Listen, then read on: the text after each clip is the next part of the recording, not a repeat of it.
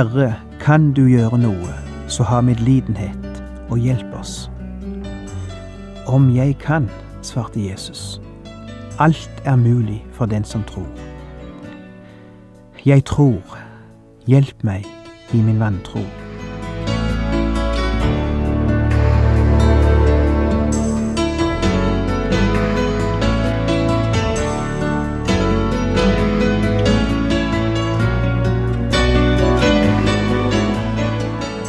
Hjertelig velkommen til et nytt program i serien Vindu mot livet. Vindu mot livet er basert på programserien Insight for Living ved Chuck Svindal. Programmet er produsert av Kristen Riksradio og blir ledet av Ola Bjoland.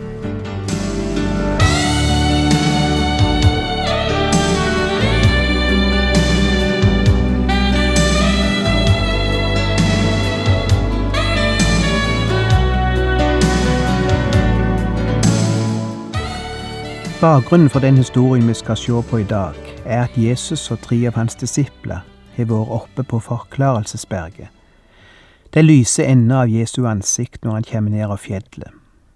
Det var en stor åndelig opplevelse Peter og Jakob Johannes hadde der oppe på fjellet sammen med Jesus. Ikke minst Peter likte det han opplevde, og han ville gjerne at det skulle vart lenger. Han ville gjerne ha bygd ei hytte der oppe på fjellet, så de kunne fortsatt å nyte Guds nærvær. Impulsiv som han var, foreslo han å bygge ei hytte. La oss lage oss en bolig her oppe. La oss være her alltid, sa han.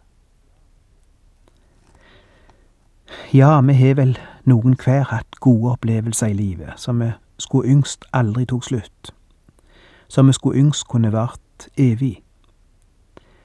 Enten det var opplevelser ute i naturen, eller det var opplevelser i heimen, sammen med noen vi var glade i, eller det var åndelige opplevelser.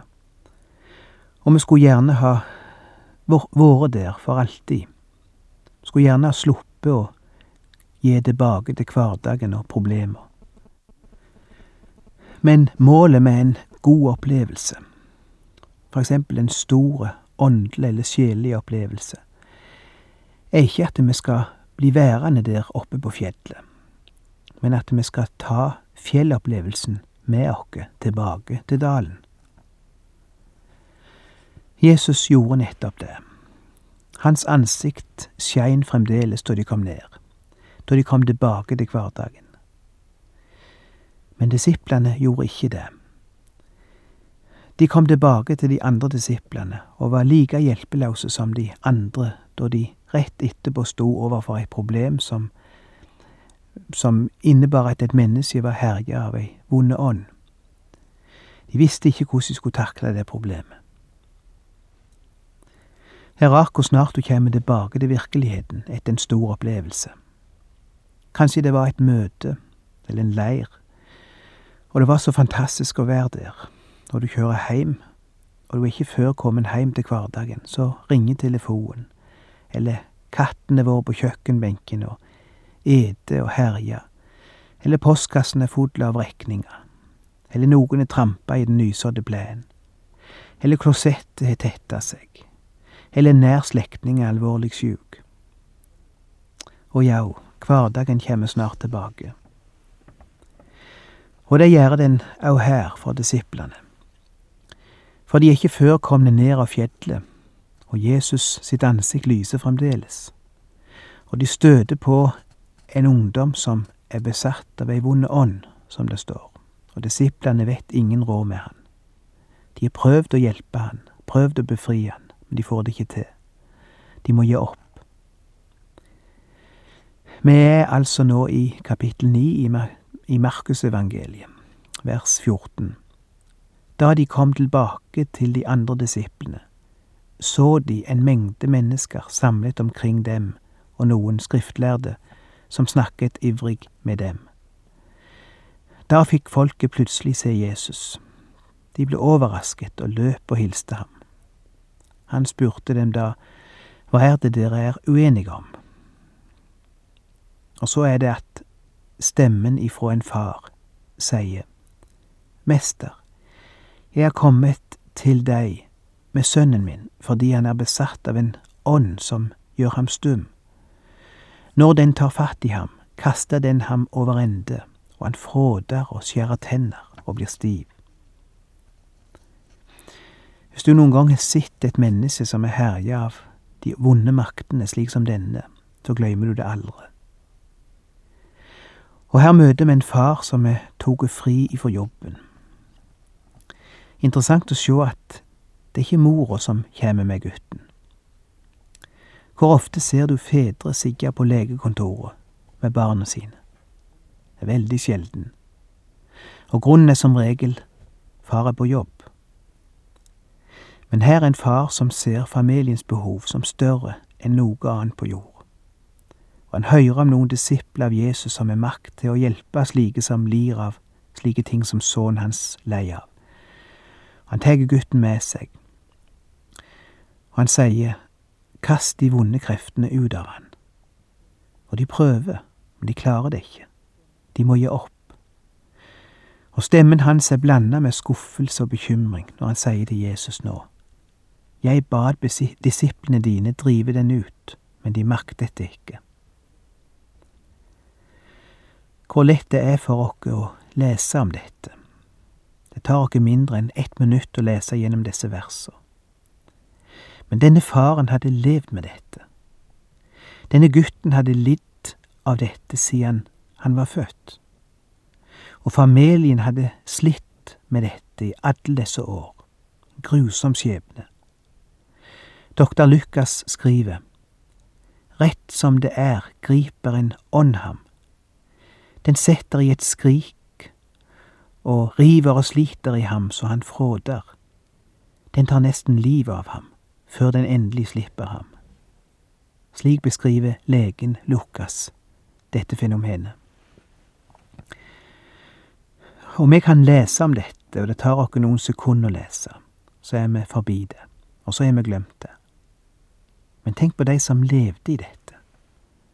Dag etter dag, veke etter veke, år etter år. Det er som når jeg jogger forbi et hus der det er mye smerte og mye vondt, kanskje. Og det hendte jeg gjorde det. Jeg kunne sjå om morgenen at det kom en bil og henta et av barna i huset. Hver eneste morgen. Det satt i rullestol. Og det kom en bil ifra en eller annen institusjon med en slags heis bak, som rullestolen med gutten ble heist opp i og inn i bilen. Og ingen aner hva slags slit disse foreldrene har måttet ta opp gjennom åra. Kamp imot sykdom, kamp imot fordommer, kamp imot byråkrati. Og hver morgen tok de farvel med gutten sin, og hver ettermiddag tok de imot han igjen. Og livet deres var lagt opp omkring denne gutten. Men for meg tok det bare 10-15 sekunder å jogge forbi dette huset. Så var jeg ute av deres verden, og ute av deres smerte. Og slik føler jeg det å lese en slik historie, som vi nå leste nettopp. For når vi er trøtte av den, kan vi bare bla videre, eller legge boka til side. Men denne faren kunne ikke bla videre. Han kunne ikke legge smerten til side. Den forfulgte han hver morgen, hver middag, hver kveld, og antagelig òg hver natt. Barnet er et offer for ei fryktelig makt som herjer i det.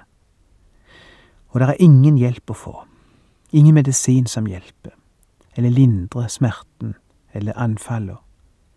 Ingen beroligende midler som roer han ned og får han til å sove når det vonde begynner å røre seg i han. Men nå har faren hørt om denne Jesus, som har hjulpet folk før som er i lignende situasjoner, han drar av sted for å be om hjelp. Han treffer bare noen disipler hjemme, og de prøver å hjelpe, men de kan ikke.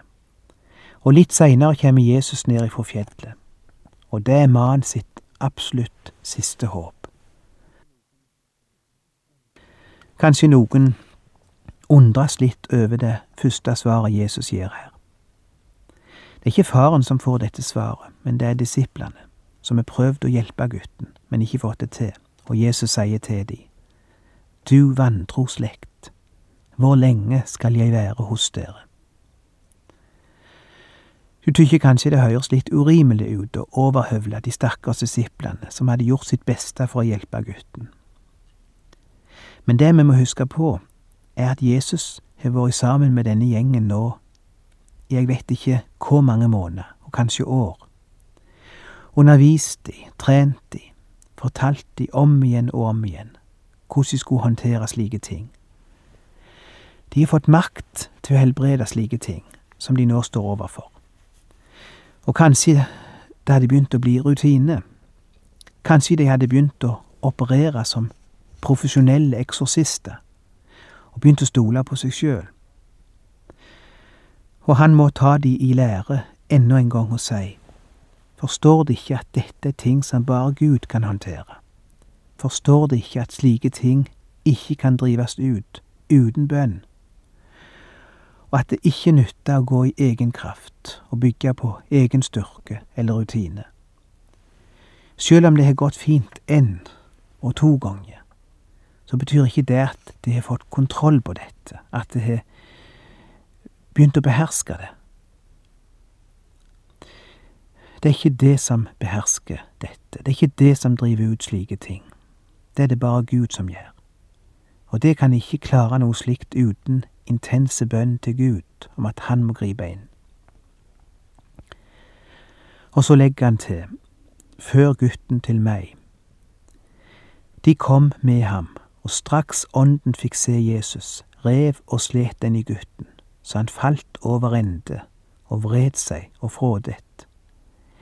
Jesus spurte faren, hvor lenge har han hatt det slik? Fra han var liten gutt, svarte han. Det er et slikt spørsmål som enhver doktor stiller. Når du går til doktoren med et problem, og du forklarer problemet for han, så vil han alltid spørre hvor lenge har du kjent dette, hvor lenge har du hatt det slik? Fra han var liten gutt, svarte han. Mange ganger har ånden kastet ham både i ild og i vann for å ta livet av ham. Høres det ut som det har vært en del selvmordsforsøk her. Han har prøvd både å tenne på seg sjøl, og han har prøvd å drukne seg sjøl.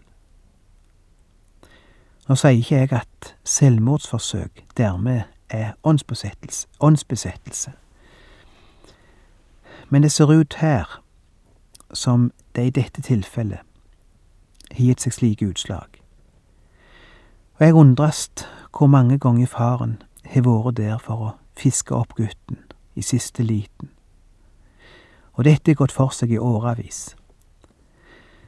Og de vet aldri neste gang det skal skje. Kan du tenke deg for en lidelse disse foreldrene har opplevd? Og for en lidelse denne gutten har opplevd. Og faren legger til, men om du kan gjøre noe, så ha medlidenhet og hjelp oss. Legg merke til skiftet i det personlige pronomenet her. Ånden kastet ham, både i ild og i vann, for å ta livet av ham. Men om du kan gjøre noe, så ha medlidenhet og hjelp oss. La du merke det? Her er en far som identifiserer seg med sønnen sin, som lever så med i smerten at sønnens smerte er blitt hans smerte. Befri oss, Jesus, for vi klarer ikke dette lenger. Om vi kan, svarte Jesus. Alt er mulig for den som tror.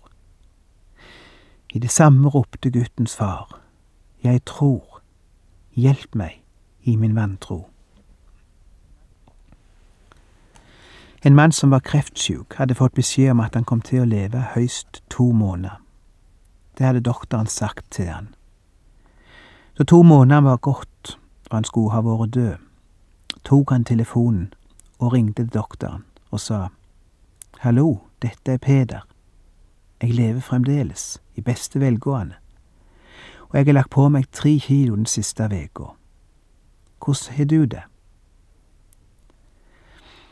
Og han ringte meg, og det var han som oppmuntra meg. Og jeg som trodde jeg skulle oppmuntre han. Og han sa, Jeg vet ikke hvordan dette skal ende. Du vet, jeg er fremdeles ikke fri kreften, selv om det ser ut som Gud ville gi meg litt mer tid enn det doktoren trodde jeg skulle få. Kanskje han vil gjøre meg frisk, jeg vet ikke ennå.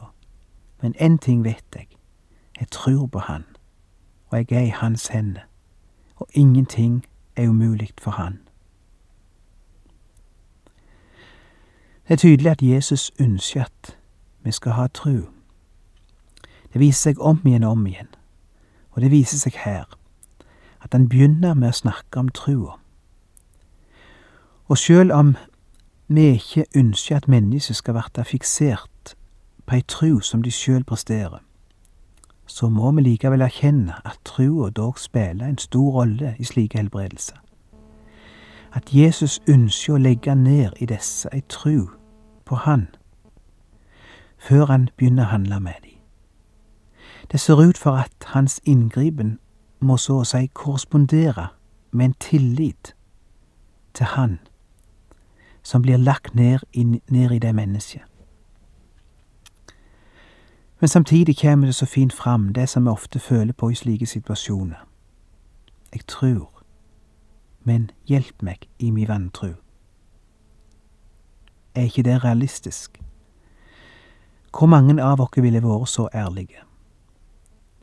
Mannen ber Jesus om hjelp. Han spør egentlig, kan du hjelpe? Og Jesus svarer, om jeg kan. Hvorfor spør du slik? Tror du ikke at jeg kan? Den som tror, skal få oppleve at jeg kan. Og det kan høres ut som en antyd at det har vært noe galt med trua, siden gutten ennå ikke er blitt helbreda. Og de fleste av oss ville kanskje svart, selvfølgelig tror jeg Jesus. Jeg har aldri tvilt. Ikke misforstå meg, Jesus. Jeg har aldri vært i tvil om at du kan helbrede om du vil. Det var ikke slik jeg mente det. Men denne mannen er ærlig nok til å svare. Jesus, når sola går ned og natta feller på, og jeg er aleine med gutten min, og anfallene begynner å melde seg igjen, etter alle disse år der vi har prøvd alt. Når alt dette skjer om igjen og om igjen, da har jeg min tvil. Da er det ikke rart med trua. Hjelp meg i min vantru. Er ikke det fint? Er det ikke fint med mennesker som er så ærlige, òg om sin tru og sin tvil? Jeg kom over ei bønn som en gammel pietist ba. Herre, jeg har et vilt hjerte, og jeg har problemer med å stå framfor deg. Jeg føler meg som en fugl framfor deg. Hvor lite jeg elsker sannheten, og hvor lite jeg elsker dine veier. Hvor ofte jeg forsømmer bønnen, eller synes jeg har bedt nok. Hvor ofte jeg er likegyldig fordi jeg vet at jeg er frelst.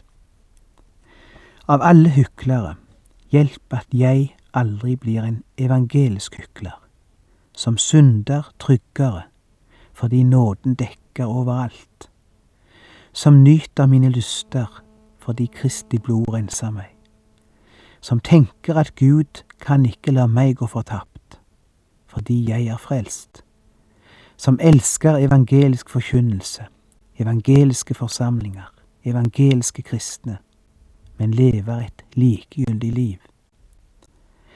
Herre, mitt sinn er som ei bøtte uten bunn, som stadig lærer åndelige sannheter, men aldri tar vare på dem i livet, som alltid sitter ved evangeliets kilde, men aldri holder på den når jeg drikker av den.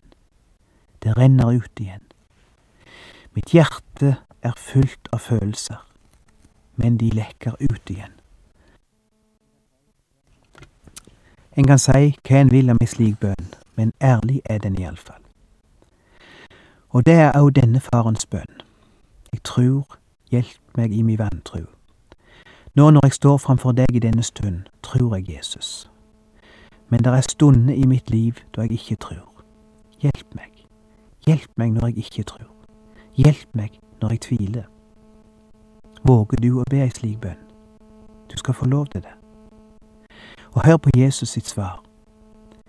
Da Jesus så folket stimle sammen, truet han den urene ånd og sa, Jeg befaler deg, du stumme og døve ånd, far ut av ham, og gå aldri mer inn i ham.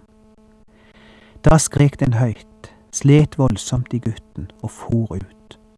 Gutten lå som livløs, og mange sa at han var død. Men Jesus tok ham i hånden og hjalp ham opp, og han reiste seg. For en scene.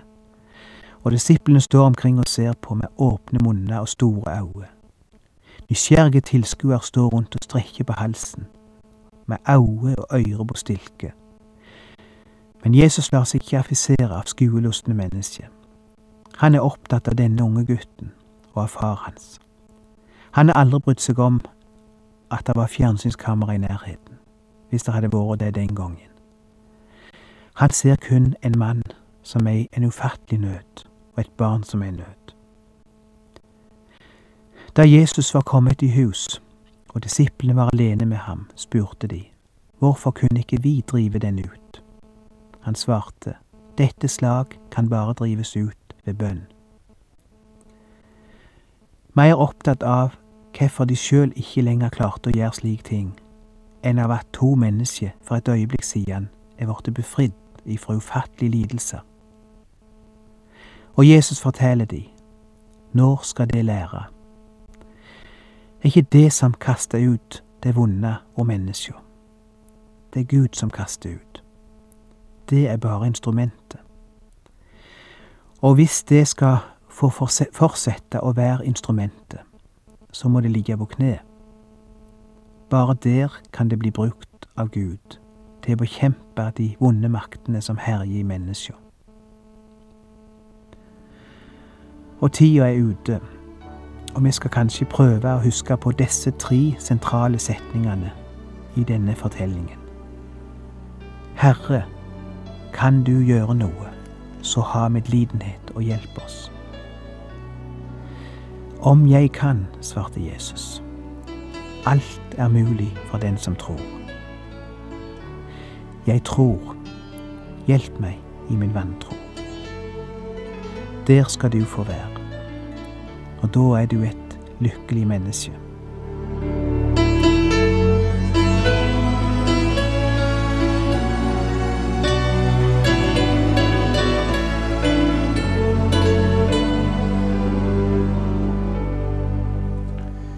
Du har lytta til Ola Bjoland i serien 'Vindu mot livet' fra Kristen Riksradios arkiv. Ola Bjoland var ansatt i Kristen Riksradio til han døde i 2002.